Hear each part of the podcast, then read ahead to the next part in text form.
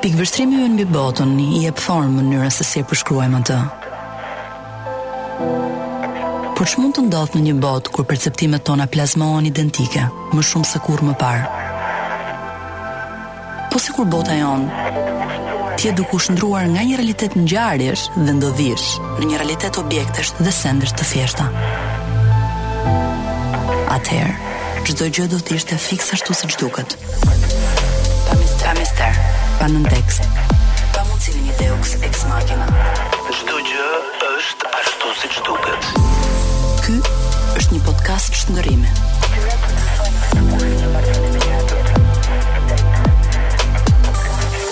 Çdo gjë është ashtu siç duket.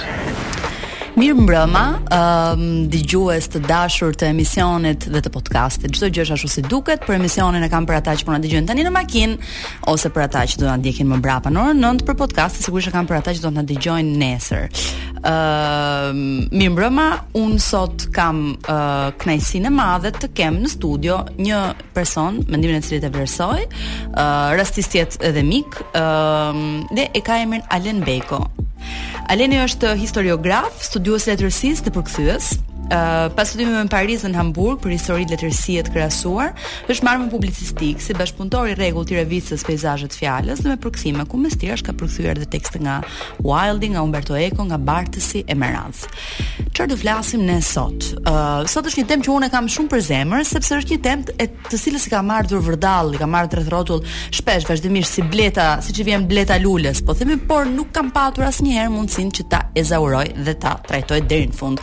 Um, kam hedh dy tre hinte herë pas here në disa intervista që janë bërë që kanë qenë më shumë llafe personale, do thoja unë se sa realisht, llafe personale ndaj lëvizjes shoqërore, se sa realisht um, një analizë. Kështu që uh, për të mos i lënë gjë mangut opinionit që un kam për këtë lëvizje shoqërore, vendosa t'i kushtoj një emision Uh, dhe pikërisht do t'ia kushtoj cancel culture ose ndryshe ajo që quhet kultura e anulimit. Mm -hmm. Tani unë e di që me drejtshkrim është anulimi, Po. Por unë do t'i them anullimit, sepse ne në fakt të gjithë i themi anullimi, po, okay? Po, po, dhe duke qenë që unë pastaj dua ta dëgjoj veten mbas këtij podcasti, nuk dua të qesh me çdo herë që them anullimi, uh, do t'i them anullimi. Okej, okay, Alen, biem dakord me këtë që tani e tutje. Shumë dakord. Atëherë unë do bëj një një hyrje të vogël për t'i futur njerëzit pak në temë, sepse siç e di dhe është parë Edhe kur po flisnim me uh, DJ-t tanë të mrekullueshëm, më pyetën çfarë është cancel culture. Edhe menduan që ne e kishim në fakt flisnim për anullimin e biletave të avionit. E kupton ku ndërkohë jo, nuk është ajo. Ai është një problem shumë i madh, por nuk është ajo. Atëherë, historia e gjatë dhe torturuese e kulturës së anullimit apo ndryshe cancel culture.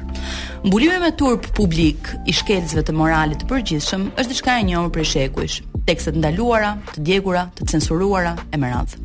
Megjithatë, siç praktikohet sot, lind pyetja, a po shndrohet kjo lëvizje në një formë radikale të një drejtësie qytetare apo është thjesht një tjetër mekanizëm që i shërben sistemit të kapitalit? Në fillimin e shekullit të 21-të, një dekadë në eksperimentin e internetit publik, i cili u prezantua në vitin 91, një frazë e re u shfaq në zhargonin kinez.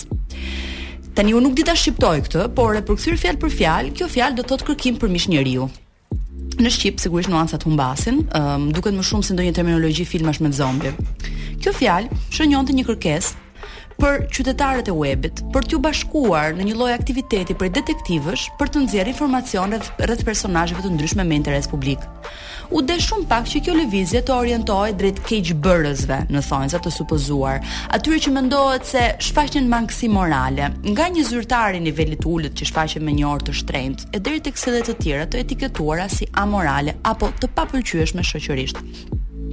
Pasi identifikoheshin shkelësit e moralit, po i quajmë këtu, të dhënat e tyre personale ekspozoheshin në internet, si dhe përndiqeshin, rriheshin, dhunoheshin verbalisht, duke u përjashtuar kështu në një mënyrë efektive nga komuniteti. Mediet perëndimore e cilësuan këtë fenomen si një fenomen ekzotik, pothuajse të padëgjuar jashtë Kinës së kohës. Nuk mund të ndodhte në këtë anë të globit. Kur New York Times publikoi një artikull mbi të në vitin 2010, një komentues shkroi, tekstualisht, Jam i befasuar nga intensiteti i kërkimeve të këtyre njerëzve dhe mendoj se ky është një tipar thellësisht lindor. Shumica e njerëzve në Perëndim as se do të merrnin mundimin për diçka të tillë. Ne jemi një shoqëri shumë individualiste. Edhe pse anglishtja e kishte tashmë fjalën e vet, ndryshe e njohur si doxing, ëm, që I referohet zbulimeve në internet dhe ka rrënjë në diskursin e hakerave të viteve 90. Wei Wei Shen, redaktori i një reviste kineze, argumentoi në mënyrë të ngjashme në një ese të vitit 2016, duke vënë në dukje se kërkimi për mish njeriu, në thonjëza, pra thonjëza pra ky fenomeni, siç e kemi quajtur, ishte një përpjekje grassroots, pra që lindte nga poshtë. Grassroots është diçka që lind në mënyrë organike nga komuniteti. Dhe si rrjedhojë, gjasat që të lindte në Kinën kolektiviste në krahasim me Amerikën individualiste ishin shumë herë më të larta. Mirëpo sot, gjërat janë ndryshe. Perëndimi e gjen veten fund e krye në atë që quhet cancel culture ose ndryshe në kulturën e anulimit. Çfarë është? si ta quajmë dhe nëse ekziston apo jo, janë të gjitha në diskutim. Termi përdoret kryesisht për incidentet në internet dhe në realitet, të cilat variojnë nga drejtësia vigjilente, debatet armiqësore deri tek ndjekja, frikësimi dhe ngacmimi. Raste sigurisht ka plot. Dikur flitej për kulturën e denoncimit, pra calling out, Por koha e thjesht theksimit të gabimeve individuale duket se ka kaluar tashmë. Ata që përfaqësojnë idenë, nëse jo gjuhën e saktë të anulimit, kërkojnë më shumë se sa kërkesën e faljes dhe tërheqjen nga jeta publike. Megjithëse kjo gjë nuk është e qartë, ata në një farë mënyre kërkojnë vendosjen e një drejtësie të përsosur apo mbase dhe kjo është pyetja jonë e madhe, mbase thjesht emocionin e poshtërimit të një të huaji në mesin e një turme. Alen Beko mirë se vjen. Faleminderit për ftesën. Tema është shumë interesante natyrisht dhe mendoj që është e pavërtetë që themi që është një fenomen krejtësisht lindor. Është përhapur në shumë shoqëri perëndimore që kanë natyrë më kolektiviste, tipit shoqëritë e lindjes së Europës, shoqëritë që kanë kaluar periudha totalitarizmi. dhe është më tepër një etiketë që i vihet një sërë fenomenesh se sa një fenomen në vetvete. Pra ka disa faktorë që luajnë rol në cancel culture, siç e themi. Ëm, ehm, uh, kjo është një një linjë shumë interesante diskutimi dhe në fakt unë do doja që ne të kalonim një herë në publicitet, pastaj ta kapnim pikërisht në këtë përmasën e shoqërive të Europës Lindore, uh, dhe të traditës politike dhe shoqërore që ato kanë. Më pëlqen shumë që po mbajmë temën e cancel culture në këtë emision që quhet çdo gjë është ashtu si duket, sepse në fakt cancel culture është ashtu si duket. Në një lloj mënyre është një kulturë, në sensin e kulturës pra kultivimit të një atmosfere apo të një ambienti specifik. Alen ti po na flisje për faktin që ëm um, nuk është e vërtetë që kjo lloj, do po, po themi kjo lloj qasje publike i takon vetëm lindjes, po themi, po është diçka që e gjejmë edhe në shoqëri të tjera me shtrate kolektiviste me radhë. Po, është e vërtetë që e gjejmë. Në thelb është formë e turpërimit publik, pra ndëshkimit përmes turpërimit, që do të thotë që kemi të bëjmë me shoqëri ku ëm dogma apo ca norma etike që janë më të rrënjosura në shoqëri më të establishuara, për të thënë këtë formë, nuk kanë pasur mundësi të zënë rrënjë, si ta zëmë për shembull në Bashkimin Sovjetik menjëherë pas revolucionit, në Kinën pas ardhjes në pushtet komunizmit në vitin 49, e me radhë e me radhë. Dhe kështu që janë forma për të siguruar ndëshkimin përmes turpërimit publik. Kemi dacibaot e famshme kineze, kemi eh, faqet e para të gazetave me njoftime që është fenomen sovjetik që postoheshin nëpër rrugët, te sheshet kryesore të fshatrave, ku përmendeshin me emër të gjithë ata që nuk realizonin normën apo bënin kundërvajtje të tjera. Dhe në Shqipëri kemi fletërrufenë e famshme të kohës komunizmit. Pra ti e shikon këtë, po themi, um, pra, ajo që ti gjen në një farë mënyre në këtë matricë është një lloj pra nëse uh, një pjesë e shoqërisë karakterizohet ose e e e etikës shoqërore karakterizohet nga koncepti i uh, fajit, në këtë rast karakterizohet nga koncepti i turpit. Po, sepse nuk është siç thamë aq i rrënjosur sa që të jetë uh, mekanizëm i brendësuar apo i përvetësuar që fa, sepse faji në ndryshim nga turprimi nuk ka nevojë për audiencë, ti je vetë audienca e vetes, nëse ndihesh po, faj. Po, patjetër është edhe është etika fetare kjo në thelb. Po? Në thelb po. Te sidomos te fetë monoteiste, judaizmi, krishterimi e me radhë. Okej, okay, megjithatë ka një kundërargument në këtë pjesë që unë mendoj, ë uh, që në një farë mënyre kur flasim për cancel culture, pra për një kulturë dhe për një kulturë e cila vjen si një lëvizje grassroots, se edhe për fenomenin në në në Kinë, për këtë folëm, pra folëm diçka në të cilën njerëzit janë bërë bashkë në një farë mënyre në internet, në mënyrë krejt spontane dhe kanë nisur tani që hajde persekutojmë filanin apo fistekun në bazë të kundravajtjes morale. Okej, okay, e njëjta gjë ndodh dhe sot pak a shumë, dikush bën një gjë në internet, del një video që po i flet keq një familjeje, merr vesh që uh, ka bërë ka ka, ka shprehur një opinion që mund të tingëllojë si racist në një gjuhë tjetër diku etj etj dhe aty fillon mësymja e madhe publike. Por ajo që dua të them është kjo, pra në këtë rast ti më përmend mua vendet të cilat në thelb janë vende totalitare, ku në një farë mënyre është dora e hekurt e autoritetit shtetëror ajo që vepron mbi këto shoqëri. Ëm um, dhe tani për mua këtu lind në një farë mënyre ndrysh, ndryshimi, sepse cili është ndryshimi mes censurës dhe cancel culture pastaj. Censura në një farë mënyre është ajo që vjen nga lart. Ndërkohë që cancel culture është ajo që vjen nga poshtë.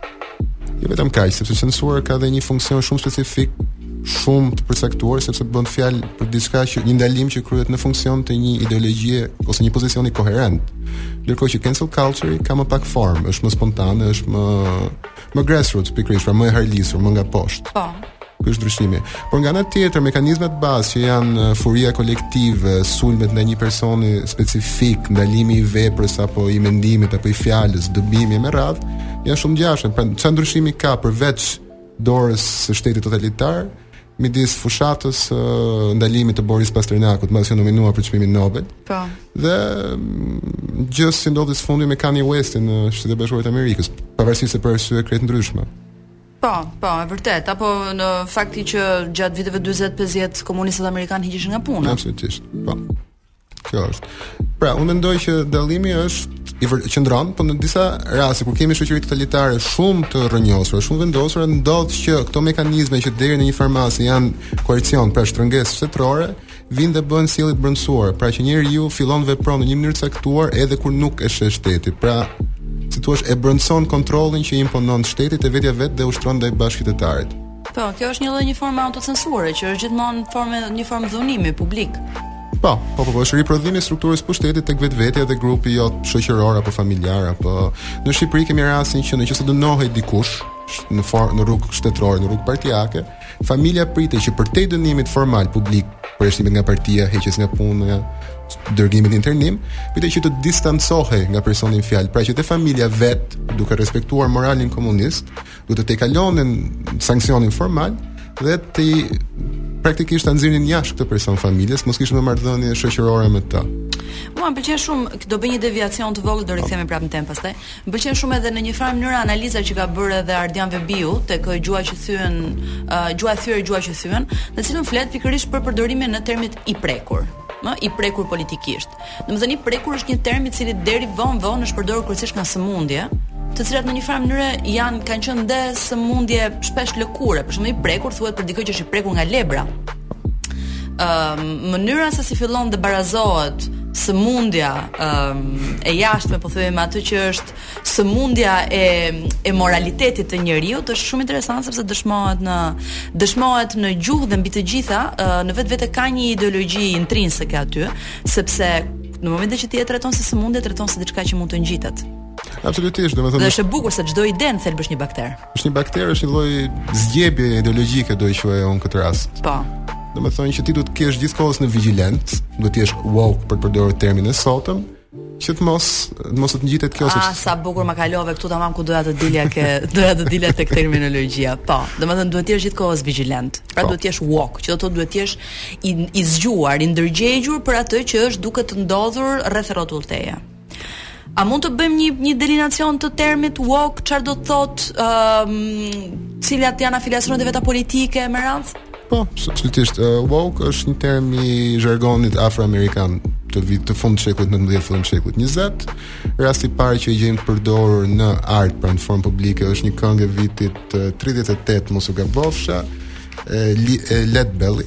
Aha. Kënga Scottsboro Boys, që ka të bëjë me një grup prej 9 të rinjsh uh, zezakë afroamerikanë që u dënuan për përdhunimin e dy grave të bardha dhe ai në një varg të këngës në refren në fakt thotë që you have to stay woke it's dangerous to go there për zonën ku supozohet se ndodhi për dhunimin fjalë. Ata sigurisht u dënuan, po faji nuk u vërtetua kurrë, ishte thjesht në nivel supozimi dhe dëshmish të të dyja palëve. Më duket është bërë dhe një dokumentar në Netflix për këtë? Në mos u gabofsha, po është. Është When They See Us, diçka e tillë, po, po, po, që është bukur. Unë në serinë e fundit mund të kem qarë tetë orë rresht. Okej, po. Dhe pastaj me kalimin e kohës, mbas luftës në vitet 50 dhe 60, për shkak të fuqizimit shumë të madh që marr merr fushata për të drejtat civile nga ana e komunitetit afroamerikan në Shtetet e Bashkuara, atëherë bitnikët dhe grupet e tjera liberale fillojnë dhe përvetësojnë ose përdorin përshtasin për veten e tyre të njëjtin zhargon. Pra woke, nga sensi i vigjilencës të tipit uji fle hasmi s'fle që ka qenë fjala shqiptare, merr kuptimin e të qenit i mirë informuar apo i ditur apo të kesh një sensibilitet të veçantë ndaj diskriminimeve të ndryshme që i bëhen grupeve apo komuniteteve që janë në pakicë. Pra mund të themi me pak fjalë që megjithëse kultura e anulimit, ë, um, pra cancel culture, nuk është një lëvizje në sensin që ajo s'ka lider, s'ka antarësi, ë dhe ata që marrin pjesë në të e bëjnë këtë në mënyrë të çrregullt, pra nuk ndajnë një ideologji koherente, në thelb i atribuohet ekstremeve të majta politike dhe konceptit woke. Në një farë mase, po, po kjo është e pashmangshme sepse e djathta për nga vetë përkufizimi i saj është konservatore, pra nuk mund të jetë vigjilente ndaj strukturave apo hierarkive shoqërore në të cilat është pjesë intrinsike. Domethënë, mm. do ishte pak nonsens kjo në nivelin politik, pak. Ata janë konservatorë, i pëlqejnë gjërat siç janë, i pëlqen rendi ose më saktë, i duket se çfarëdo ndryshimi do kishte pasoja negative për shoqërinë në tërësi. Ok, po mund të themi që mekanizmat e cancel culture janë përdorur edhe nga ata. Për shembull, në 2014 është rasti shumë i famshëm i disa njerëzve që i bënë presion uh, disa game playerave të ndryshëm që të bënin reklamim në gazeta, të cilat shkonin kundër ideologjisë së tyre etj etj. Pra duhet të them është një gjë çik që është përdor një çik largely nga të gjitha kahet politike, prandaj ajo është kryesisht e atribuar me woke, po duket sikur më shumë tani është bërë një kulturë kjo. Domethënë është bërë një kulturë, një modus operandi ë i njerëzve të cilët tash duan të gjejnë faje dhe probleme. Më kupton çfarë dua të them? Po, është bërë një set instrumentesh për të trajtuar probleme të ndryshme shoqërore në vend që të trajtohen si të thuash në mënyrë sistemike. Po, po, është absolutisht e vërtetë. Ne kemi rastin jo më larg se sot në mëngjes në Shqipëri ku u përpoq të bëhej cancel një film i cili sipas një grupi interesi supozohej që promovonte stilin e jetesës gay. Strange Worlds. Strange Worlds, eksaktësisht. Pra që edhe e djathta këtu, e djathta, në këtë rast e djathta deri diku fetare, ungjillore, konservatore, po themi, fetare, po. fetare, tentoi ta ta përdorte si mjet. Si mekanizëm, pra këtë dua të them. Po, po, Domethënë, po, mua më pëlqen shumë fakti që ajo konsiderohet kulturë, thuhet kulturë, sepse në fakt është një kulturë dhe këtë do ta ripërsëris disa herë gjatë këtij emisioni. Por më lën me kuptu që është diçka e cila rritet, ushqehet, njësoj siç kultivohet. Absolutisht. Po. Ëm um, diçka. Kjo është një lloj ekosistemi shoqëror ku funksionon mbi bazë të evidentimit dhe të vënies në pah dhe të dënimit të problemeve apo të ceneve të ndryshme. Po pra, tani që do thot në këtë moment ne dalim nga linja e një ideologjie specifike. Që do thot ok, ajo i atribuohet si fillim këtyre rrymave woke, të majtës ekstreme etj etj, rryma të cilat Për hir të së vërtetës, të paktën si e gjykoj unë, ato më shumë e kanë dëmtuar ë uh, të majtën se sa realisht i kanë dhënë diçka më tepër, domethënë më duket sikur në një farë mënyrë ato kanë qenë rrymat woke ato që e kanë kanalizuar në mënyrë shumë të dukshme ku ndahet e, e, e majta evropiane në një farë mënyrë nga, nga e majta uh, amerikane. Kjo është e vërtetë, por kjo vjen edhe për shkak sepse e majta amerikane për arsye të ndryshme historike ka qenë fort e lidhur me fushatën për drejta civile të grupeve të ndryshme, ndërkohë që Sigurisht që po. po. Ndërkohë që e majta europiane ka qenë fort e lidhur me drejtat e punëtorëve, pra ka një kanë dy gjeneza shumë të ndryshme. Ndryshme, pra në Europë është më klasore, në Amerikë është më komunitare, si qasje do thoja unë. Por po, është inst, është set instrumentesh që përdoret absolutisht nga të gjithë dhe për qëllime të ndryshme. me gogolin e wokeizmit apo cancel culture-it ka fushata të jashtëzakonshme për të për të hequr apo për të ndaluar apo për të larguar njerëz të cilët mund të kenë qasje woke para se këta të kenë bërë diçka konkrete fizike për ta merituar. Është shumë interesante se si kanë filluar zgjasohen kështu tani duket sikur jemi në një video game pse ka një sfond shumë të bukur tani. Ëm um, një sfond tamam një sfond koktejl, ë, që nga një sfond shumë seksi, do të nuk e di se si mund të flasim për cancel culture me këtë lloj sfondi kaq seksi, por uh, meqë u vu ky sfond tani do të devijoj pak dhe do e kthej prapë, le. Dakord. Që dua të them që ëm um, se më pëlqeka kjo, um, ta ta ta kjo piano. Po ë uh, ku lind për herë të parë fjala të anullosh dikë? Ku e hasim për herë të parë? E hasim në një histori me gangsterë. Apo jo, e hasim në një film. E hasim fillimisht në një album muzikor të grupit Chic, mos u gabofsha në 81-shin dhe pastaj e hasim në 91-shin në një film uh, me Wesley Snipes, mos u gabofsha. Po pra. Që thotë që duhet të cancel një personazh grua. filmit. Nino Brown. Nino Brown. Okay. Nino Brown, që ishte ky gangsteri ë uh, i famshëm uh, në 91-shin, uh, boss krimi domethënë, dhe kur ajo proteston um, dëshirën që ky ka për të kryer vrasje, domethënë se sigurisht ato janë groteske këto personazhe, nuk diskutohet. Ai i hedh shampanjë dhe thot anulloheni thot këtë njeri Nuk thot njeri, thot një fjalë tjetër. ë uh, do blej një tjetër.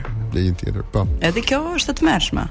Po, po kjo është seksiste në nivele të frikshme, por ëm um, i rrin, domethënë shumë interesant se si koncepti i anullimit të dikujt tani është bë trend i shoqërive liberale, ndërkohë që në thelb nis nga grotesku një personazhi që është mafios hiper seksist. Do të thotë something went wrong here në këtë lloj rrugëtimi. Absolutisht, absolutisht. Po. Po, dhe nuk është thjesht çështje, nuk është thjesht çështje seksi, është dhe çështje që e trajton njeriu si send, si po, ofër më. Po si mall, po pra, një lloj objektifikimi, po themi, po objektifikimi përgjithësi është bo grave, domethënë, në masë dërmuese, po, po, absolutisht. Po në këtë rast kemi të bëjmë zëra publik, sepse në thelb këta njerëz të cilëve u bëhet cancel kanë një farë pranie publike apo një farë uh, fame, njohje, që ta quajmë si të kemi qejf. Që po, këta tani trajtohen si mall, trajtohen si gjithë si gjëra të që mund të skartohen. Trajtohen pak edhe si indikator, në sensin që oh, filani u bë cancel dhe humbi 800.000 followers brenda natës, por në fakt Kaloi mjaftueshëm kohë dhe duke qenë që u rikthye në Twitter, tani ka kaq milion njerëz që e ndjekin etj etj. Pra, ku di unë është bë një çik kështu tamam si punë databaze, statistikash, më ka humbur edhe përmasa, ajo përmasa që është përmasa humane, njerëzore, analizës së um, të faktit që dikujt dikush thjesht vendos të mos ndiqet më sepse thot diçka e cila nuk është politikisht korrekte. Jo, kjo është e vërtetë dhe për më tepër që edhe në ato raste kur bëhet, në qoftë se personazhi është mjaftueshëm i madh apo mjaftueshëm i njohur, nuk ka pikën e rëndësisë sa bëhet cancel apo jo. Louis C.K. siç pati probleme para, nuk e di, 5-6 vitesh, u supozua që u bë cancel.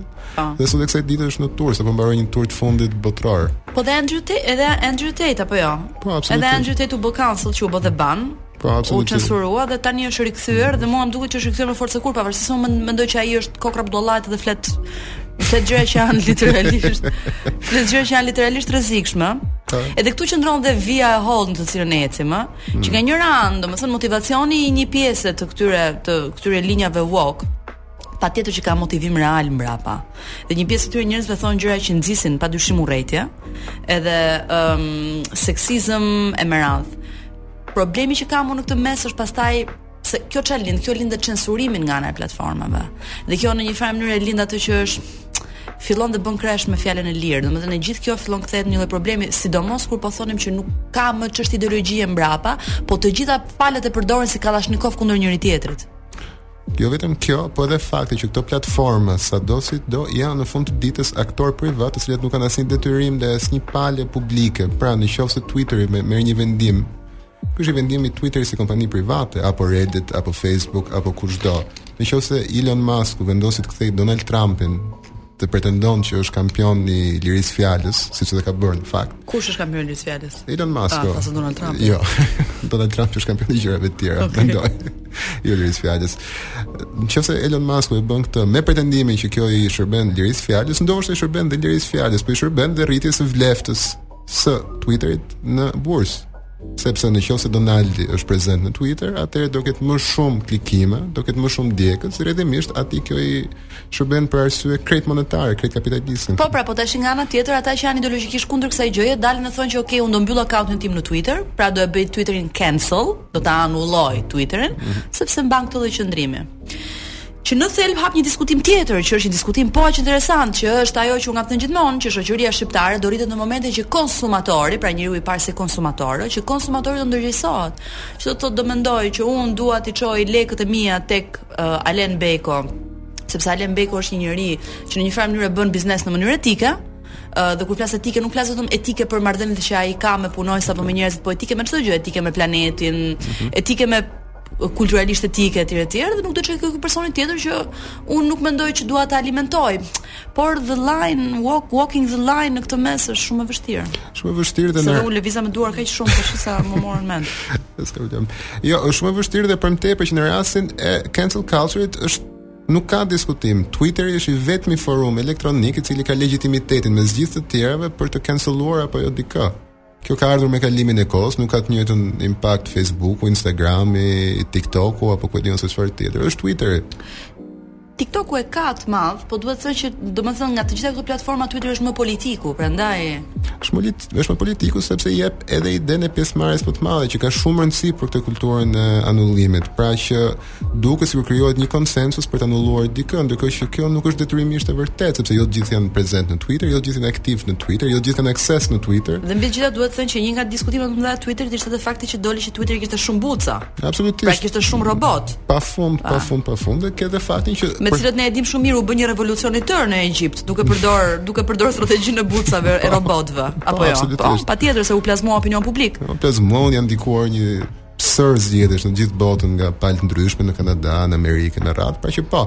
Po përveç kësaj është dhe fakti që njerëzit që janë të pranishëm në Twitter detyrimisht, mirë apo keq, vijnë nga shoqëri më të zhvilluara, të cilat ka, janë dhe më të dhe më të alfabetizuara në pikëpamje kompjuterike. Po, internet literacy, patjetër. Ekzaktësisht, ndërkohë që ke me qindra me me dhjetra me qindra milionë njerëz nga shoqëritë e pazhvilluara apo në zhvillim, besoj nuk kanë të njëjtën impakt. Pra, Sidoqoftë, edhe Twitter jep një imazh shumë të rremë të një konsensusi apo një demokracie digjitale, sepse nuk është i tillë fare. Kjo është një temë shumë interesante. Ë, uh, po unë doja të kapja disa aspekte të të cancel culture-it. Ëm um, dhe domethënë nëse në njërën anë folëm pak për atë që është kancelimi, anullimi i të drejtës për t'u shprehur dhe si shkon ndikon kjo dhe politikisht, Në këtë blok që do të vijojë mbas publicitetit, ë uh, unë dua të flas për letërsi, se vdiqa me fol për letërsi dhe ne të dy kemi studiuar edhe letërsi. Kështu që uh, do ta kapim nga përmasa tjetër deri nga debilizmat e fundit për të eliminuar dhe Dostojevskin sepse ishte rus mbas pushtimit të Ukrainës nga Rusia që s'kishte asnjë lloj lidhje. Unë vij këtu me Alen Bacon, ë um, për si ta shpreh Alen Bacon, sigurisht Bacon e po si Francis. Jo, me Alen Bacon, si Francis thua ti, unë mendova për eggs Benedict, por Dhe kjo është shumë interesante, domethënë cilat janë asociacionet tona mendore. Unë them Bacon, ti mund ti mendon për piktorin Francis Bacon, kurse unë mendoj që mendoj për vezë. Po she, e kupton? Nejse, për t'u rikthyer tek biseda jonë e cancel culture që po bënim deri tani, uh, që janë dy të çmendur në një tavolinë duke analizuar tani që çfarë është kjo majtas djathtas. Është sistemi i kapitalit apo është thjesht diçka që ekziston në botën akademike, që dhe kjo potencialisht është e vërtetë. Po, absolutisht. Se është shumë e bukur se dhe në në një në atë shkrimin, në një shkrim që lexova në këtë uh, Slavoj Zizek, po. Uh, të cilën kam idenë që ne edhe do ta citojmë pak më po, pak më po, po, pas. Um, ai thotë me shumë të drejtë thotë që kjo gjëja thotë në thelb është më shumë një gjë që i takon qarqeve akademike dhe një një një një një, një fraktali shoqëror shumë të ri në moshë sesa është një gjë që cancel culture is going on me vërtet shoqërisht. Më kupton, domethënë është më shumë tani një gjë e lagu s'e lagu. Po absolutisht është një çështje ngeje, sepse është një çështje ngeje. Në qoftë se flasim për grupe që janë të të shtypura, pakica që kanë probleme të mëdha e diskriminime, ata nuk është se kanë kohë për të filozofuar mbi aspektet sistemike dhe filozofike të situatës. Atyre u duhen mjete konkrete për të zgjidhur probleme konkrete. Po, po nga ana tjetër është e rëndësishme që njerëzit që kanë në dorë atë që është filozofimi dhe diskutimi i situatës të ngrenë një diskurs publik që më pas eventualisht i përfaqësojnë në një masë të atillë sa të vinë ndryshime konkrete që i japin zgjidhje problemeve imediate të këtyre grupeve. Pra, këtu dhe këtu pra ne qëndrojmë që nuk e përcaktojmë dot na pëlqen apo s'na pëlqen, por sigurisht në letërsi nuk na pëlqen. Nuk na pëlqen fare. Fare fare. Nëse them që deri tani politikisht nuk e dimë na pëlqen apo nuk na pëlqen, në letërsi, zero, nuk na pëlqen.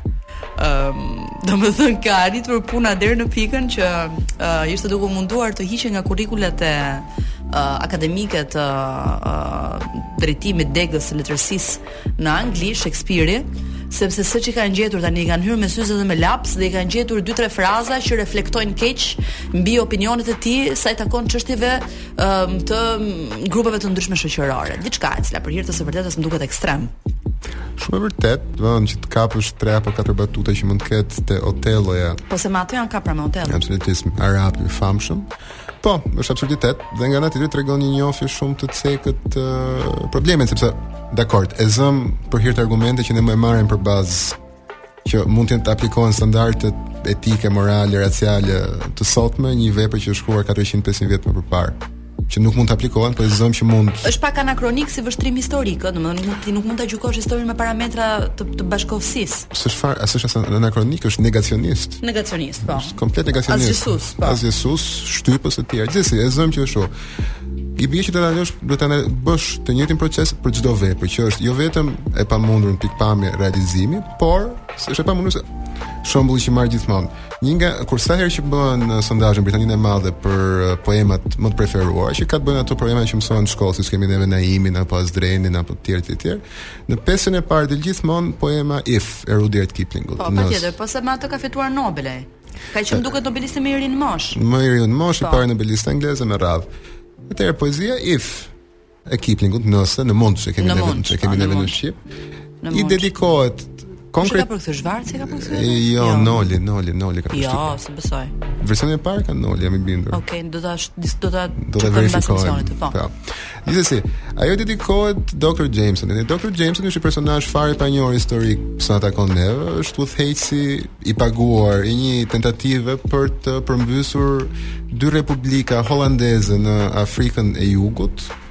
Nga ana e kolonëve anglezë që interesonte të kishin akses te minierat e arit dhe diamanteve të atyre dy kolonive. Drejtori i kompanisë dhe komisioneri i policisë që pagoi për këtë komplot, pra për këtë tentativë për kryengritje nga ana e këtij Dr. Jameson, të cilit kushtohet poezia If, ka qenë Cecil Rhodes. Cecil Rhodes është i njëjti person që ka financuar dy kolegje në Oxford dhe bursën Rhodes, për të cilën ka pasur prej 4 vitesh tashmë një debat shumë të madh nëse statuja e tij që qëndron në një nga sheshet duhet të vazhdojë të jetë më apo jo në furinë e heqjes së statujave që pasoi. Sepse ai edhe bursën Rhodes, edhe kolegjet i ka i ka ndërtuar mbi ideologjinë e vet që ishte mbi supremacinë racore të racës anglosaksone. Brenda supremacisë racore të bardhë ai konsideronte që anglosaksonët ishin raca e zgjedhur nga Zoti për të sunduar mbarë botën. Të gjithë në një farë mënyre janë munduar në një moment të etiketojnë veten si raca të zgjedhura nga Zoti. Kjo është është diçka që shkon pas në kohë edhe sa takon për rrjedhave gjuhësore, është një libër shumë i bukur që trajton po, këtë që është. Ëh, uh, gjuhët e parajsës. Gjuhët e parajsës. Po, faleminderit. Po e vërtetë. Gjithsesi, po kjo është flasim relativisht vonë, ëh, Brosi ka vdekur mbas mbas fillimit të shekullit 20.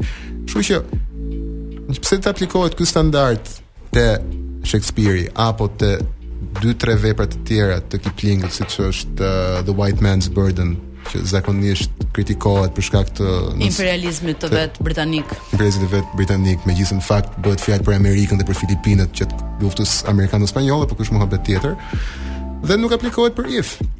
që vazhdon dhe mësohet gjerësisht në gjitha shkollat, jo vetëm të Anglisë, por të mbarë edhe në Shqipëri është një ndër poezitë më popullore, nëse kam kuptuar. Mirë, pra, sepse në Shqipëri nuk është se, domethënë, e ka prekur dhe aq kjo vala woke dhe vala ë uh, e cancel culture kulturës së anulimit, po Kiplingu dhe për Ifin, në Kipling për Kiplingun është folur për ta për ta asgjësuar komplet, e di shumë mirë, ekziston dhe një shoqatë, e cila është shoqata Rudyard Kipling, edhe praktikisht Ata kanë qenë një vit përpara një vit e gjys kanë qenë në sulme të tmerrshme. Ë uh, është kërkuar heqja statujës, është kërkuar heqja një burse me emrin e tij pra janë kërkuar shumë gjëra.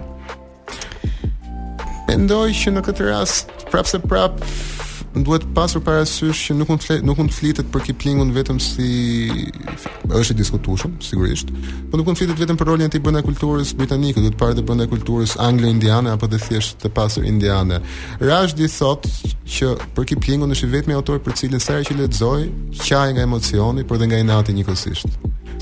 E, dhe kjo është shumë domethënëse, sepse në një farë mënyre është shumë e bukur që ka thënë Rushdie, po domethënë të njëjtën gjë thon për Rushdien mendoj, ë? Po, domethënë, për sa kontroversial ka qënë dhe Rushdie sa i takon uh, marrëdhënies që ai ka krijuar për shembull me komunitetin musliman në botë, uh, me Iranin specifikisht, Ë uh, do thoja që e njëjta gjë mund të thotë të njëjtën gjë mund të thotë dikush për atë. Pra në këtë mes, pastaj qëndron problemi që gjithçka mund të jetë ofensive për dikë. Dhe vetë historia është ofensive, sepse vetë historia është e njëanshme. Dome vetë historia në një moment ka favorizuar një grup kundrejt një grupi tjetër. Po. Kështu që të tentosh të fshish për të për të fshirë këto gjurmë i bie që je duke fshi komplet të, të gjithë zhvillimin historik që në thelb zhvillimi historik lexohet edhe nga zhvillimi i letërsisë. Ne më e kemi të thjeshtë të të të, të analizojmë në një farë mënyre një zhvillimin historik një vendi duke i lexuar letërsinë. Shumë e vërtetë. Jo, jam dakord në këtë pjesë sepse për më tepër në qoftë se ti nga një përvojë e keqe apo një e keqe, do të diçka që është e diskutueshme sot, pra në këtë rast lëvdatat ndaj imperializmit apo nuk e di se çfarë. Ti këtë mund ta shfrytëzosh si rast për të parë se ku është gabuar, ku është çaluar, si kanë ndryshuar sensibilitetet që nga koha e shkrimit të veprës së deri sot. Po pra, tani unë jam dakord pak me krasitjen um, e veprës apo jam dakord me mbase në të gjithë korpusin e krijimtarisë së këtyre autorëve mbase janë disa gjëra të cilat nuk ia vlen për t'i qarkulluar sepse bien kryekëput kundër kundër moralit. Por të asgjësosh dhe vepra të cilat në vetvete nuk e kanë këtë përmasë, vetëm sepse autori e ka këtë përmasë, Uh, nuk e di, është çik e diskutueshme sepse kam frikë që pastaj do të nisësh ta aplikosh këtë parametër gjithandej. Për shembull, po shihja, po vija re së fundmi që, që është ribotuar ëm um, libri Shqipëria e Indro Montanelit. Po. Ëm dhe qesha me veten time sepse pata një ndjesi dyfishe. Se më mori dhe goja kur po e thoja këtë. Por realisht pata një ndjesi dyfishe. Nga njëra anë m'u bë qejfi sepse ai ka ca përshkrime të hinterlandit pra të të, të prapatokës shqiptare. Po. Shumë të bukura, shumë interesante, në një periudhë komplet gati fare të virgjër, dhe kur përshkruan Tiranën me këto kopshtije të bukura brenda këtyre mureve të banesave osmane etj etj, është një Është shumë lirike, domethënë. Nga ana tjetër qesha, sepse mendova që vetëm një vend në një vend si Shqipëria mund të ribotohej Indro Montanelli që ti ke parë ç'u bë me statujat e atij në Itali u lyen me të kuqe u bë llataria sepse ai vetë ishte dikush që pati marrë një grua ku di unë 13 vjeçe në Somali, a pati një histori të tillë e pati blerë po akoma më e tmerrshme ë dhe praktikisht në një vend tjetër kjo gjë do kishte patur një debat publik dhe tani unë nuk po them që ky debati publik është një gjë që duhet të ishte apo jo Pavarësisht se unë mendoj që debati publik duhet të ekzistojë, duhet të ekzistojë gjithmonë. Ëm, um, pra, në një farë mënyrë unë besoj në diskursin publik, nuk besoj në anullim. Kjo është ajo që në një farë mënyrë kemi 3 orë që po mundohemi të vijmë vërdallë.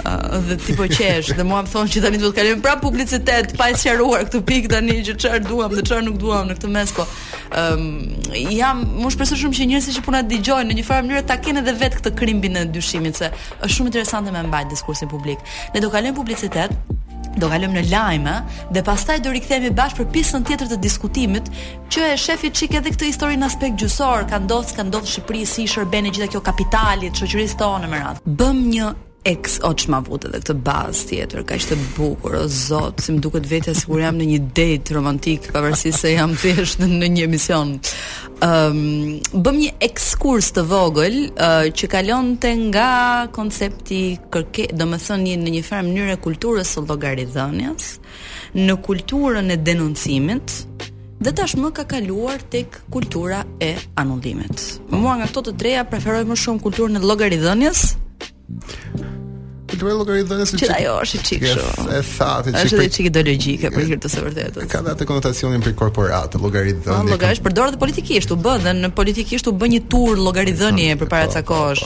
Një tur qeveritar. Compliance. Po pra po. Çik. Ja, se t'i marrim këto fjalët që duan të thonë diçka në një raport dhe t'i hedhim kështu shoqërisht, t'i bëjmë edhe çik kështu trend që t'i përdorin është është është buzzword, nuk ka në vetvete mund të thotë mund të ketë çdo lloj kuptimi, domethënë. Mm, edhe edhe këto strukturime si përgjegjësi llogaridhënie është çik. Nëse, thon kjo po flisnim folim pikërisht për fjalët. Tani po diskutonim për fjalët, edhe unë dua të ndaloj pak tek fjalët, edhe tek marrëdhënia e anullimit ose e fshirjes me, mhm. me gjuhën. Ëm um, kur po vija për këtu që po ecja në këtë ftohtë të tmerrshëm që ka kapluar mbas një vere të stërgjatë, jo, një vere që ka zgjatur deri në tetor. Ëh, uh, dhe këto e keni të dashur miq nga ngrohja globale, nga asgjë më shumë, kështu që thirrini mendjes. Ëh, uh, teksa po ecja për këtu në ftohtë, mendova që edhe ëh um, operacioni i bërë nga Kadareja mbas viteve 90, në një farë mënyre është një lloj cancel culture, sepse ëm um, ajo që në një farë mënyre ajo mund të se tashi gjithmonë themi cila ka qenë narrativa e Kadaresë mbas 90-s në një lloj mënyre. Pra, boshti i vet teorik që e ka përkufizuar ka qenë marrëdhënia e Shqipërisë me Perëndimin dhe fakti se si Ne um, sipas Kadaresë, um, në thelb vijmë nga një trung perëndimor i cili na uzurpua për uh, pesë shekuj me radhë dhe pastaj tani duhet të rikthehemi në shtëpi. Kjo ka qenë narrativa e vet post uh, 90 apo jo. Biem dakord në këtë pikë? Po po po, domethënë. Ajo dominante, apo themi linja, koncepti i vet politik dominant. Unë do merrja një nga titujt e veprave identiteti europian i shqiptarëve, pikë. Po, çështjet e identitetit europian të shqiptarëve. Ëm um, dhe për për të bërë këtë gjë, pra për ta çuar përpara këtë ide që ai ka patur dhe që mendoj vazhdon ta ketë, ëm e ka nisur me fjalët. Sepse siç e dim, fshirja e një fjale fshin një realitet. Pra bëhet mhm. canceling, që do të thotë anullohet.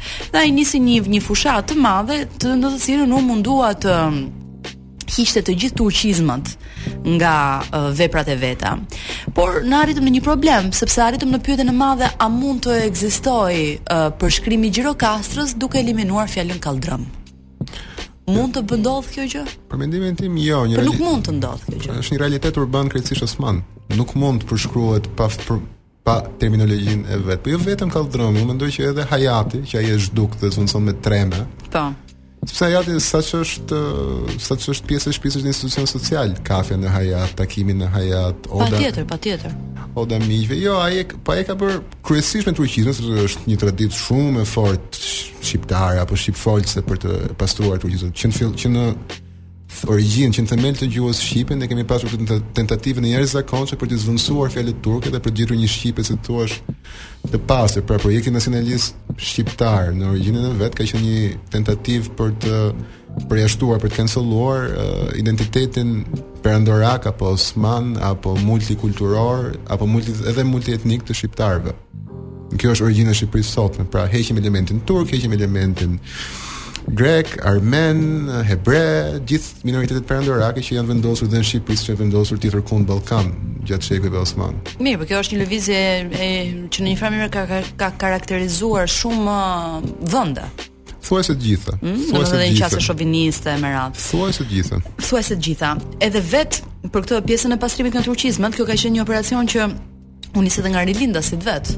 Po po po po po. Po po, atëherë është shumë interesante se të, të dyja këto i përkasin një momenti specifik politik. Domethënë nga njëra anë kemi dëshirën për pavarësim dhe për krijimin e një shteti shqiptar, i cili më së pari para se të krijohet me armë dhe me vendim tenton të krijohet nëpërmjet gjuhës dhe kulturës, si në rastin e po them kot, se kjo është edhe boshti, Shqipëria ç'është, ç'ka qenë dhe ç'do të bëhet, e Sami Frashërit, mm. boshti është pikërisht kjo, domethënë që Shqipëria dhe kultura shqiptare bëhet me pavarësohet dhe bëhet me shkrim e këndim, kupton, nuk bëhet me armë, domethënë. Ëm po, po, po. um, dhe nga ana tjetër kemi edhe këtë pikërisht mbas 90-s, një kalim tjetër politik dhe prapë ajo që tenton të bëhet është që tenton të fshihen turqizmat. Pavarësisht se në atë mes kishim një një periudhë që ishte një lloj pushtimi tjetër, po themi që ishte pushtimi që ne i kishim bërë vetes tonë, pra ishte Po në atë rast kemi zëvendësim të fjalës. Pushtim në thonjëza kupton. Pushtimi i fjalës. Po, po në atë rast ne kemi një tentativë shumë të fortë për të eliminuar fjalët për t'i zëvendësuar me të tjera, duke filluar nga terma shoqërorë, zotni, zonjë, zonjushë, të cilat morën konotacion, kishin konotacionet e veta, të cilat pastaj u zëvendësuan politikisht, po edhe fjalë si kasapi që u bë mishtor, që është ajo batuta e famshme shkodrane, që sa kohë quhej kasap, qe brenda mish, kur u quajt mish, qe brenda vetëm kasapi. Kjo është bukur shumë. Këtë e kanë të bukur. E kanë shumë të bukur, po është e vërtetë. Domethënë dhe aty pastaj arrijmë tek um, diskursi i famshëm që është diskursi Orwellian, ë, uh, që ai e bën në epilog kur flet për gjuhën um, që çdo ideologji gjëja e parë që shkon të prekë është gjuha sepse nuk mund të ekzistojë uh, një realitet pa gjuhën Ë, uh, domethënë është pak kjo historia pula dhe veza, veza apo pula. Domethënë, ë, uh, ti në një farë mënyre mund të mendosh për aq koncepte apo për aq uh, tamam për aq koncepte sa ç'ke fjalë për t'i përshkruar. Po. Është edhe teza e, e Wittgensteinit e me radhë. Pra në një farë mënyre rikthehemi aty. Po kjo ku na nxjerr? Na nxjerr te fakti që ka gjithmonë një ideologji mbrapa. Thjesht kjo ideologji nuk ka kah politik, sepse ekstremat kanë tendencën të puqen mbase, nuk e di domethënë. Po te Orwelli ka një gjë shumë interesante. Unë mendoj që ai në thelb lexohet në një mënyrë përgjithësisht, lexohet në një mënyrë mjaft djerr, sepse shikohet gjithmonë lidhja e Orwellit me totalitarizmat, me prejardhje të majtë komuniste në Europë në shekullin 20. Ndërkohë që njohja e Orwellit për hir të vërtetës me totalitarizmat qoftë komunist, ka qenë shumë e kufizuar, i ka njohur pak në Spanjë vitin 37-38 kur ka qenë lufta civile që ishte në kulm të spastrimeve të mëdha staliniste, Por, realiteti që flet Orwell-i, pra ajo formë e shtypjes, e mpakjes, e varfërimit, është në masë të madhe Anglia e kohës luftës. Pra, ajo që thotë Orwell-i, ajo që përshkruan Orwell-i me totalitarizmin, është një formë shumë e avancuar e kapitalizmit të tregut, i cili vihet në funksion të një projekti të madh, siç është lufta në vitet 40-45. Dhe unë mendoj që me kalimin e kohës, për shkak të zhvillimeve historike, bota perëndimore si e tillë, domethënë drejt asaj po shkon, pra drejt një kontrolli gjithmonë e më të madh të institucioneve, të bazuar sido qoftë mbi ekonominë e tregut. Dhe në këtë në këtë drejtim nuk është aq shumë fakti që ideologjitë puqen në ekstreme, sepse sigurisht që puqen, por të gjitha format e kontrollit, dashur pa dashur, kanë të njëjtat nevoja funksionale, pra që nevoja për kontroll të shtyn që të përdorësh të njëjtat mjete, qofsh ti komunist, nazist, fashist, liberal, republikan, apo çfarë të kemi qejf, domethënë të jesh një teokraci si Irani apo diçka tjetër. Kontrolli i gjuhës dhe përdorimi i koncepteve, në qoftë se ne në vitin 90, 91 nuk dinim se ça të kërkonim dhe dolëm me togfjalëshin pluripartitizmi apo pluralizmi politik, sepse nuk njihej demokracia si koncept më. Sot ne kemi ngelur prej 30 vjetësh në këtë shtjellën qesharake të tranzicionit pa fund, pa masë, që mbulon gjithçka dhe gjithkund, mbulon korrupsionin, mbulon defekte shtetërore, mbulon largimin e njerëzve nga Shqipëria, mbulon kriza politike, luftra civile, skema piramidale, tranzicion. Çfarë do të thotë kjo? Është thjesht një term ombrellë. Pra, ne edhe sot që flasim, ne po e varfrojmë qëllimisht gjuhën për t'iu përshtatur realitetit politik të sotëm. E pra po varfërimi i gjuhës është varfërimi i mendimit uh, dhe varfërimi i analizës. Do kalojmë në publicitet, ëm ehm, uh, dhe pastaj do rikthehemi për pjesën tjetër të diskutimit mbi atë që është anullimi, asgjësimi apo ndryshe në thelb ëm ehm, uh, edhe varfërimi. Dhe ka një dikotomi shumë e bukur se si shpesh njerëz të një qasje politike të cilët në thelb janë për dallimin dhe për diversitetin, mjeti që përdorin për ta për ta ngritur këtë këtë po themi vlerë është ai pikërisht i humbjes së diversitetit. Alen, Mirë se rri. mirë se jam. Pra. Mirë mirë se vijon të rrish. Ë uh, po flisim për cancel culture dhe po thonim pikërisht këtë pra që ë um, nuk ka shpesh nuk ka një ideologji, shpesh është një mjet. Prandaj dhe ka shumë njerëz që thonë që cancel culture në fakt nuk ekziston sepse ajo ka qenë përherë mes nesh. Ka analistë të tjerë, të cilët vënë në dukje rrezikun e kulturës së anullimit thjesht si një mekanizëm që e ndihmon uh, sistemin e kapitalit, pra ndihmon kapitalizmin. Po. Ka analistë që bëjnë këtë gjykim, këtë interpretim dhe në fakt nuk do ta quaja specifikisht sistemin e kapitalit, do thoja që uh, cancel culture ndihmon status quo. Sepse cancel culture është një mënyrë që ti të shfrysh, është një lloj valvule sigurie që ti pakënaqësitë që ke me aspekte të ndryshme dhunë sistemike, diskriminim, përdhunime, abuzim grash apo qasje të tejkaluara aty ku institucionet dështojnë së bëri punën e tyre po aty ku institucionet dhe shoqëritë dështojnë së adresuari probleme vjen në lojë cancel culture që është një gjë shumë emocionale, shërben si një lloj katarsisi që ti të kesh mundësi të shprehësh, të japësh tamam hapësirë të gjitha mendimeve që ke për një çështje, të kritikosh, të dënosh, të flasësh, por pa prekur thelbin e gjësë që është problemi i sistemit, nuk është problemi i diskursit në këtë rast. Unë do thoja për mendimin tim që në këtë aspekt po i ndihmon shumë uh, sepse krijon iluzionin e të bërit diçka të marrit pjesë pa bërë në të vërtetë diçka. Unë para, nuk e di, ndoshta javën që kaloi më dërgoi dikush një link për një peticion të Amnesty International për ligjin që u kalua në Iran në mënyrë që të jepet dënimi me vdekje për gratë aktiviste që kishin marrë pjesë në protestat. Po, kishin votuar 200 ca deputetë pro më duket për këtë po. gjë, që ishte një gjë e paimagjinueshme dhe është krizë humanitare e mirëfilltë. Po, dhe ka rreth 15000 të burgosur në burgjet iraniane, të cilët mund të dënohen me vdekje në këtë ligj të ri. Dhe dakord e firmosa peticionin e dërgova, por ç'të mirë më sjell mua një peticion ose më më saktë ç'të mirë i sjell atyre një peticion. E të mirë sjell sepse momenti që ti e ndërkombëtarizon kauzën dhe siç e dimë të gjitha shtetet tani nuk janë ishuj, po janë në një farë mënyre të gjitha të përfshira në marrëveshje dhe marrëdhënie tregtare. Ëm um, presioni i madh ndërkombëtar është diçka e cila luan rol, ne kemi parë të e kemi parë të luajë rol. Kemi parë të luajë rol në disa raste, është Nuk është e përsëritur. Sepse dhe qeveritë e këtyre vendeve e përdorin si levë, ëh? Po, force këtë gjë, kështu që. Në një farë mase, po sidoqoftë mua më duket sikur ë këto lloj aktesh performative, sepse dhe cancel culture në masë të madhe është performativ, nuk më duket esencial. Më duket sikur më tepër i shërbejnë ruajtjes së status quo sepse gjithë duke kritikuar sistemin e pranojnë në thelb drejtësinë apo mirëfunksionimin e vlerave bazë, normave bazë të asaj shoqërie. Po dhe s'ke ça bën tjetër në këtë pikë. Po nga ana tjetër është um, interesant që ti përdore termin performativ, sepse unë pikërisht këtë po mendoja që më parë, ne kemi bërë një podcast shumë interesant për atë që është shoqëria e spektaklit e Debord. Dhe kjo është pjesë e shoqërisë së spektaklit, kur themi për akt performativ.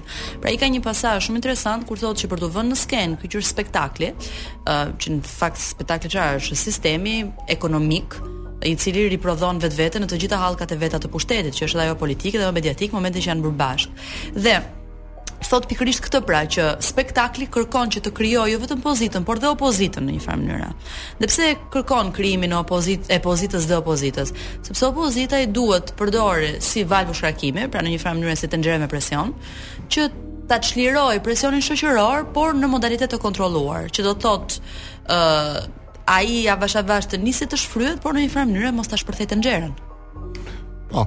Në këtë mënyrë është saktësisht ajo që bën. Ky është një Debord pak i shqiptarizuar, domethënë po. Po i përshtatur. Ky është leximi im, të paktën. Po po po po, do në këtë rast është e njëjta gjë që ti ke të bësh me një sistem, një sistem me një instrument, se po vendosëm që ta quajmë cancel culture instrument. Instrument, po.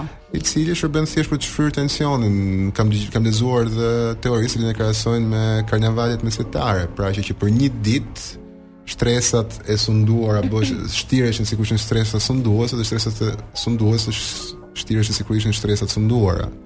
Po që në thelb është thjesht një valvul shkarkimi për tensione shoqërore dhe nuk prek thelbin e gjësë. Nga ana tjetër, ka dhe të keqen e madhe që duke përdor um, opinionin publik dixhital për të përdor një kështu togfjalësh pak si të sajuar, ti krijon përshtypjen e pjesëmarrjes e të konsensusit, ndërkohë që siç thamë, nëpërmjet botseve, profileve të blera, e më the, të thashë, Ky konsensus nuk është detyrimisht i vërtetë dhe në këtë mënyrë justifikon një sërë veprimesh apo mosveprimesh me këtë idenë që ky është opinioni. Pra, heq dorë nga angazhimi real me njeriun, me veprën, me diskutimin dhe krijon këtë nivelin e dytë më më më të shkurtuar, më të, më të thjeshtë, më pa nuancë për shkak vetë të mekanikës se si funksionon rrjeti social. Dhe edhe këtë e quajmë për realitet.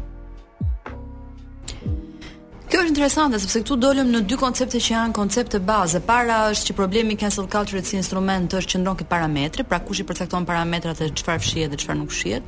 E dyta tek fakti që nëpërmjet asgjësimit, pra dhe anullimit, ajo që është duke bërë në fakt është duke hequr dorë nga angazhimi. Pra angazhimi njerëzor dhe angazhimi me veprën, që në thelb është koncepti analitik.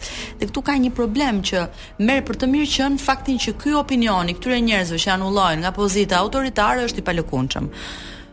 Por përpara se unë të dal te kjo gjë, e cila rilidhet edhe me opinionin e Zhizhekut që unë do t'i lexoj pas pak dhe do t'i komentojmë, ë uh, doja të ndaloja një çik te diçka që ti e preke shumë shkarazi që ishte tema e Halloween-it. Po. Ëm uh, dhe se si në thelb pikërisht kjo që është fryrja e presionit publik, ëm uh, i takon një arketipi pra shoqëror që shtrihet shumë pas në histori, që është ajo që ndryshe njihet si kapro espiatorio. Po. Dashi i Kurbanit në këtë mhm. shqipen mm -hmm. tonë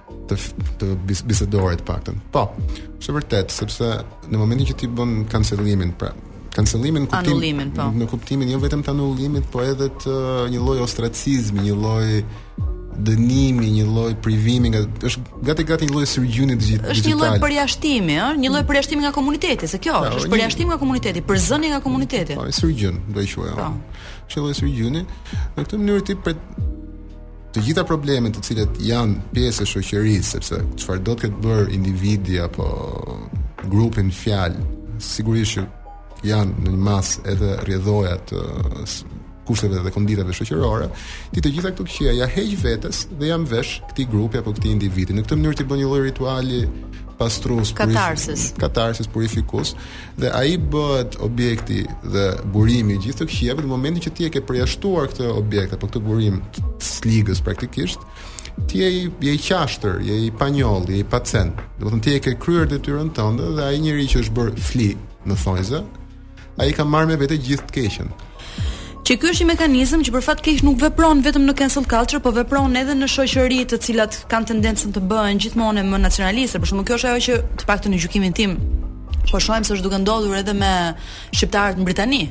Shqiptarët në Britani. Domethënë gjithë dështimi i politikave të jashtme britanike në një farë mënyrë është duke iu ngarkuar këtyre njerëzve, Po. Ëm um, sikur këta e kanë fajin, domethënë këto janë për këta janë personazhe që mbajnë fajin dhe tani me përzënien e këtyre shoqëria britanike do rilulëzojë. Që ishte ajo që që ishte dhe motivacioni kryesor mbrapa Brexitit nga ana tjetër. Pra që ishte prapë koncepti koncepti i të huajit. Po, dhe njëta njëta njëti mekanizëm, njëti fenomen që ndodhi me shqiptarët para 2-3 vitesh në Holandë kur u dha vetoja e fundit holandeze, lidhur me integrimin e Shqipërisë, se kriminaliteti shqiptar është shumë i lartë, të paktën përfaqësimi në media, paraqitja në media e kriminalitetit shqiptar është shumë e lartë, rrjedhimisht këta njerëz sjellin të keqen me vete, sjellin kriminalitetin me vete, rrjedhimisht duke i përjashtuar këta njerëz në shoqëria, në shoqëria jonë lulëzon, bën përpara. Pra, ka dhe elementin që duke bërë një sakrificë të tillë, sepse në një farë niveli pranohet që kjo që po bëhet me cancel culture apo me përjashtimin është e keqe në thonjëza dhe në pikëpamje etike, kjo bëhet për hir të një të mire më të madhe. Ëh. Mm -hmm. Pra që një moment kaosi, turbullire, revolucioni ta quajmë si të kemi qejf, për hir të një rendi të ri, një harmonie të mëpasme. Pak a shumë ajo që thoshte Mao Zedong me fushatën e vet të 100 luleve, 100 mendimeve, pra revolucioni kulturor. Revolucioni kulturor, po. Që u bë një katrahurë. Që bëri një ma, kulturalisht bëri një masakër në Kinë. Kulturalisht dhe konkretisht po, numri njerëzish të vrarë. Njerëzish, po. Edhe gjymtuar. dhe për hir të një rendi të ri. E njëjta gjë që është bërë në çdo revolucion të botës, revolucionin francez, revolucionin rus, e me radhë me radhë me radhë. Domethënë në këtë kuptim pra elementi i sakrificës për hir të një të ardhje më të mirë që përligj thuajse gjithçka ë politikisht. Alen, kur teokracia koloniale e Amerikës së shekullit 17 ia la vendin demokracisë, dënimi si spektakël doli nga moda. Dhe siç vren gazetari britanik Jon Ronson në So You've Been Publicly Shamed në 2015 në shpëtuar ky tekst, u braktisën kryesisht um, si dënim i mandatuar nga qeveria. Tani ne kemi parë raste në të cilat Cancel culture ka shkuar aq larg sa jo vetëm të sjellë atë që është përjashtimi nga komuniteti online apo komuniteti dixhital, por dhe përndjekje fizike të mirëfillta. Po, ka diçka prej kulturës uh, vigjilantizmit në Amerikë kjo çështja e cancel culture. Po duhet thënë që në masën dërrmuese të rasteve, Pra ka diçka regresive dua të them unë në këtë mekanizëm. Se kjo është edhe çik në momentin që kjo është e gjitha në dorë, kalon në dorë të komunitetit, në vetvete sikur duket sikur pranon një lloj dështimi të një sistemi shoqëror qoftë dhe edukues apo jo. Pra njerëzit e marrin në dorë vetë këtë gjë sepse është dikush që nuk përgjigjet për ata. Është absolutisht. Jo vetëm aq, por dhe fakti që shoqëria nuk është në gjendje të brumosë njerëzit në atë mënyrë që ata këtë vlerësim se ç'është e drejtë dhe ç'është e gabuar ta bëjnë përmes introspeksionit, mm -hmm. por që detyrohen ta ushtrojë shoqëria ndaj tyre përmes shembullit të keq. Pra tregon një lloj fragmentizimi, një lloj atomizimi të shoqërisë moderne që vjen edhe për arsye thjesht ekonomike, familjet më të vogla banojnë më larg njëra tjetrës, ka shumë më shumë lëvizje dhe rrjedhimisht ajo ai stofi shoqëror që e mbante një shoqëri të lidhur, të thukët, nuk është më është shumë më i lirshëm, shumë më i brishtë. Rrjedhimisht dhe normat shoqërore vijnë duke u bjerrë. Që në një farë mase ka ndodhur edhe në Shqipërinë e mbas komunizmit, sepse sido qoftë elementi social i shoqërisë që ka qenë goxha kompakt, megjithëse konservator deri në vitin 90, siç e kemi vënë re, ka ardhur gjithmonë duke u duke u sfumuar, duke u Po, ka pasur një prishje të asaj që është thurima sociale. Tash është interesant se në gjithë këtë diskutim, domethënë, përveç faktit që dolëm në konkluzionin që nuk është një ideologji, por është një mjet, uh, tani dolëm në konkluzionin që mbase vërtet nuk ekziston sepse duket sikur ai ngrehet mbi mekanizma të cilët kanë ekzistuar përherë për njerëzimin. Thjesht në këto kushte të reja të një të një të një po themi tregu neoliberal të një digitalokracie, po e quaj unë me radhë, duket ku secili flet opinionin e vet, duket sikur ka marrë një përmasë të tillë, ëm, um, thjesht sepse njerëzit kanë një platformë ku mund të shprehen në mënyrë të dukshme krahasimisht me më përpara. Ne do kalojmë pak në publicitet dhe pastaj do rikthehemi për të ëm um, folur pak edhe për uh, disa opinione të tjera rreth kësaj teme. Unë do të lexoj një pasazh ëm um, të Slavoj Zizek, ëm um, të cilin i cili i takon um, një artikulli Ethics on the Rocks, të botuar nga Project Syndicate me 22 nëntor të 2022-shit. Uh, të dy dhe unë dhe Aleni kemi bërë nga një përkthim tonin të kësaj, por unë jam duke lexuar përkthimin e Alenit, për të gjithë ju që ta keni referencën e plotë. Wokizmi, pra Rryma woke, për cilën folëm në fillim. Wokizmi bëhet kësisoj studimi themelor i mënyrës se si lejimi shndrohet në ndalim. Pra, se si në një farë mënyre ë uh, ajo që është po themi ë uh, lejimi shndrohet në prohibicionizëm. Nën regjimin wok nuk e dimë kurrë nëse dhe kur një pjesë prej nesh kanë për t'u anulluar prej diçkaje që kanë thënë apo kanë bërë. Kriteret janë shumë të vagullta, apo thjesht sepse kemi lindur në kategorinë e gabuar. Larg kundërvënies ndaj formave të reja të barbarisë, siç pretendon shpesh se bën, e majta wok përfshihet tërësisht në të, duke promovuar dhe praktikuar në diskursin shtypës as pa asnjë lloj ironie, Megjithëse mbron pluralizmin dhe promovon ndryshimin, pozicioni i saj subjektiv i enunçimit, vendi prej nga flet, është egërsisht autoritar dhe nuk pranon debat në përpjekjet për të imponuar përjashtime arbitrare, që më parë do të ishin konsideruar të papranueshme në një shoqëri tolerante dhe liberale. Thënë kjo, duhet të kemi parasysh se kjo katrahurë kufizohet më së shumti brenda botës së ngushtë akademike, Ndërsa pjesa e mbetur e shoqërisë po lëviz në drejtim të kundërt. Kultura e anullimit, pra cancel culture, me paranojën e vet të brendësuar, është një tentativë e dëshpëruar dhe e thënë të dështojë për të kompensuar dhunën dhe intolerancën reale që kanë vuajtur prej kohësh pakicat seksuale. Por ajo në të njëjtën kohë është tërheqje brenda një fortese kulturore, një pseudo hapësire të sigurt, fanatizmi diskursiv i së cilës thjesht sa performon per, përforcon rezistencën e shumicës së popullatës ndaj saj. Çfarë do të thotë kjo me pak fjalë? me pak fjalë Zhizhekun. Zhizheku in a nutshell. Zhizheku in a nutshell, full of nut. Ehm, um, do të thotë që siç thamë, siç e prekëm dhe më parë, do të thotë që ka një Një mpakje të angazhimit, pra heqjen e nuancës, heqjen e mendimit kritik, heqjen e hapjes ndaj një diskurseve të ndryshme, formave të ndryshme të diskutimit dhe të qasjeve të ndryshme, në favor të një versioni të standardizuar boilerplate, të cilin mund të konsum, siç prodhohet ashtu të konsumohet lehtë, pra një lloj uh, short hand, një lloj stenografie që përdoret për të dhënë gjykime të prera pro ose kundër diçkaje.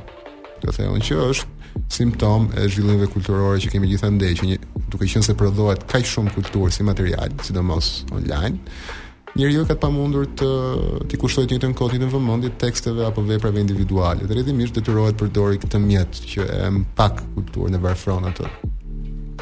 Dhe mbi gjitha krijon vetëm një një këndvështrim të situatave. Tani ëm um, Një fenomen që është interesant, kur ne po botonim Kiplingun, të cilin ne përmendëm ë uh, më parë në diskursin ton, ë uh, unë mora disa mesazhe negative ë uh, nga njerëz të cilët ishin shqiptar, ë uh, dyshoj që të jenë studiues të mirë të veprës së Kiplingut, pra që të kenë lexuar gjithë nuancat. Thjesht sigurisht kanë dëgjuar në një epokë globale në të cilën artikujt qarkullojnë gjithandej, ë um, shpesh Këto lloj dënime qarkullojnë si fletërrufe në rrjete sociale, në Instagram, t'i shohësh vizualisht me radhë. Aty ishte krijuar përshtypja që botimi i Kiplingut në uh, Shqipërinë e 2022-shit kishte diçka e cila um, ishte regresive, pra e kthente Shqipërinë në një situatë province, që kur e gjithë bota është duke u marrë me përjashtimin e këtyre figurave ju jeni ata që i botoni dhe me pak fjalë i promovoni. Se ne nuk e thamë, mbase e kishim në mënyrë implicite këtë Por gjithë diskutimi i cancel culture-it bëhet që me demek ose gjasme ose me të drejtë shpesh. Ë uh, promovon vlera të cilat nuk kanë më pse promovon në 2022-shin tani që balancat e pushtetit shoqëror në një farë mënyre janë më të ndryshuara se ç'kanë qenë më përpara. Pra njerëzit janë më të lirë, pak ato që janë pakicat etnike, pakicat seksuale etj etj janë më të zëshme dhe më të pranishme në shoqëri se ç'kanë qenë më përpara.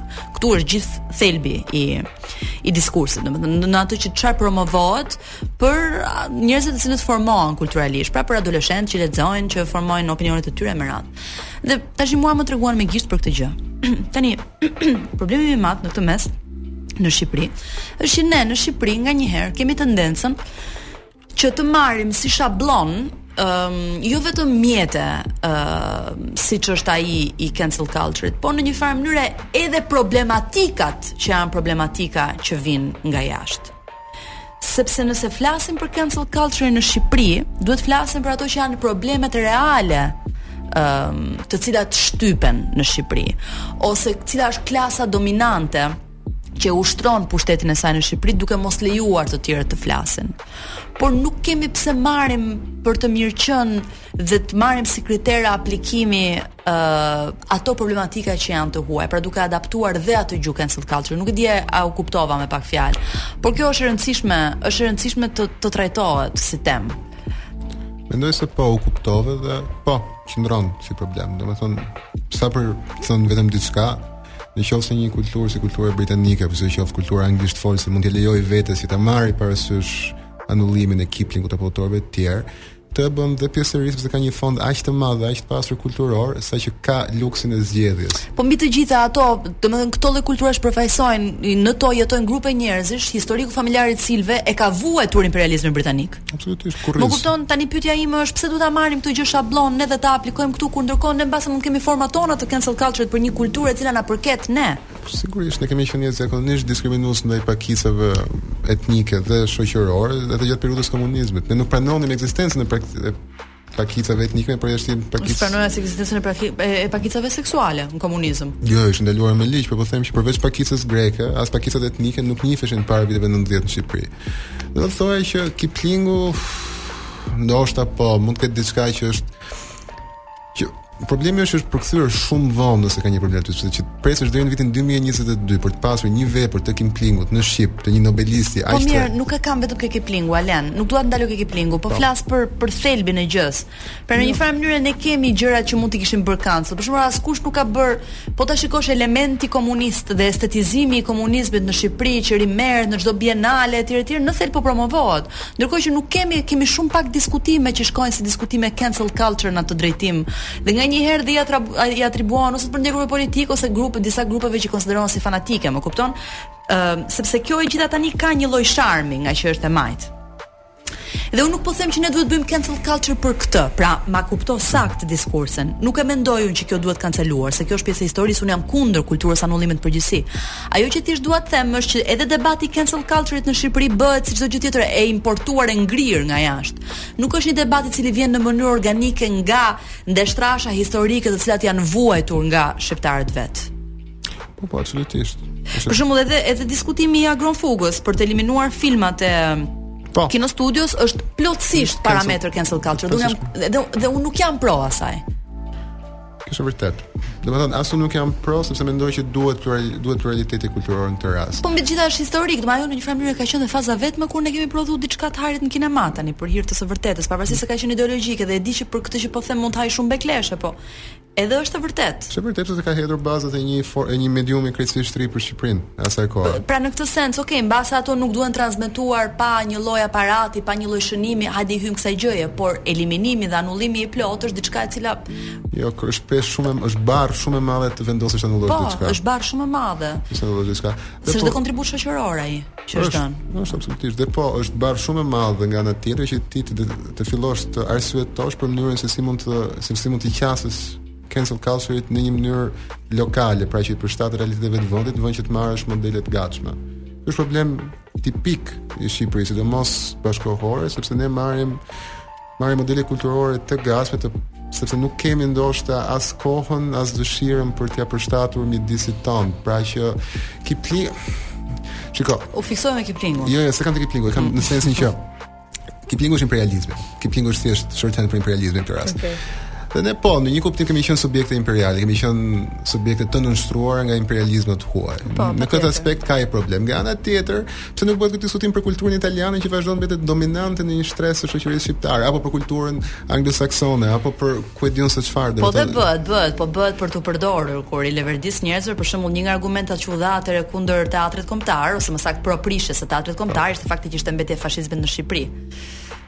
Të gjitha ndërtesat shtetërore, pjesa dërmuese e organizimit. Që është një argument që s'rri as në tokë as në qiell, kuptohet, po Dakor, po atëherë ça, duhet të hedhim poshtë diçka që kemi të trashëguar nga imperializmi. Po pra është historia pra në momentin që fillon dhe i futesh kulturës së anullimeve, s'ka fund. Për sa e zëshme është shoqëria sot dhe për sa pluralistë kërkojmë të jemi dhe për sa të lirë kërkojmë të jemi dhe liberalë në thelb kërkojmë të jemi, pra që të kemi të drejtën t'i themi gjërat si i mendojmë dhe në një farë mënyre dhimbja dhe vuajtja e të gjithëve të përfaqësohet në shoqërinë tonë.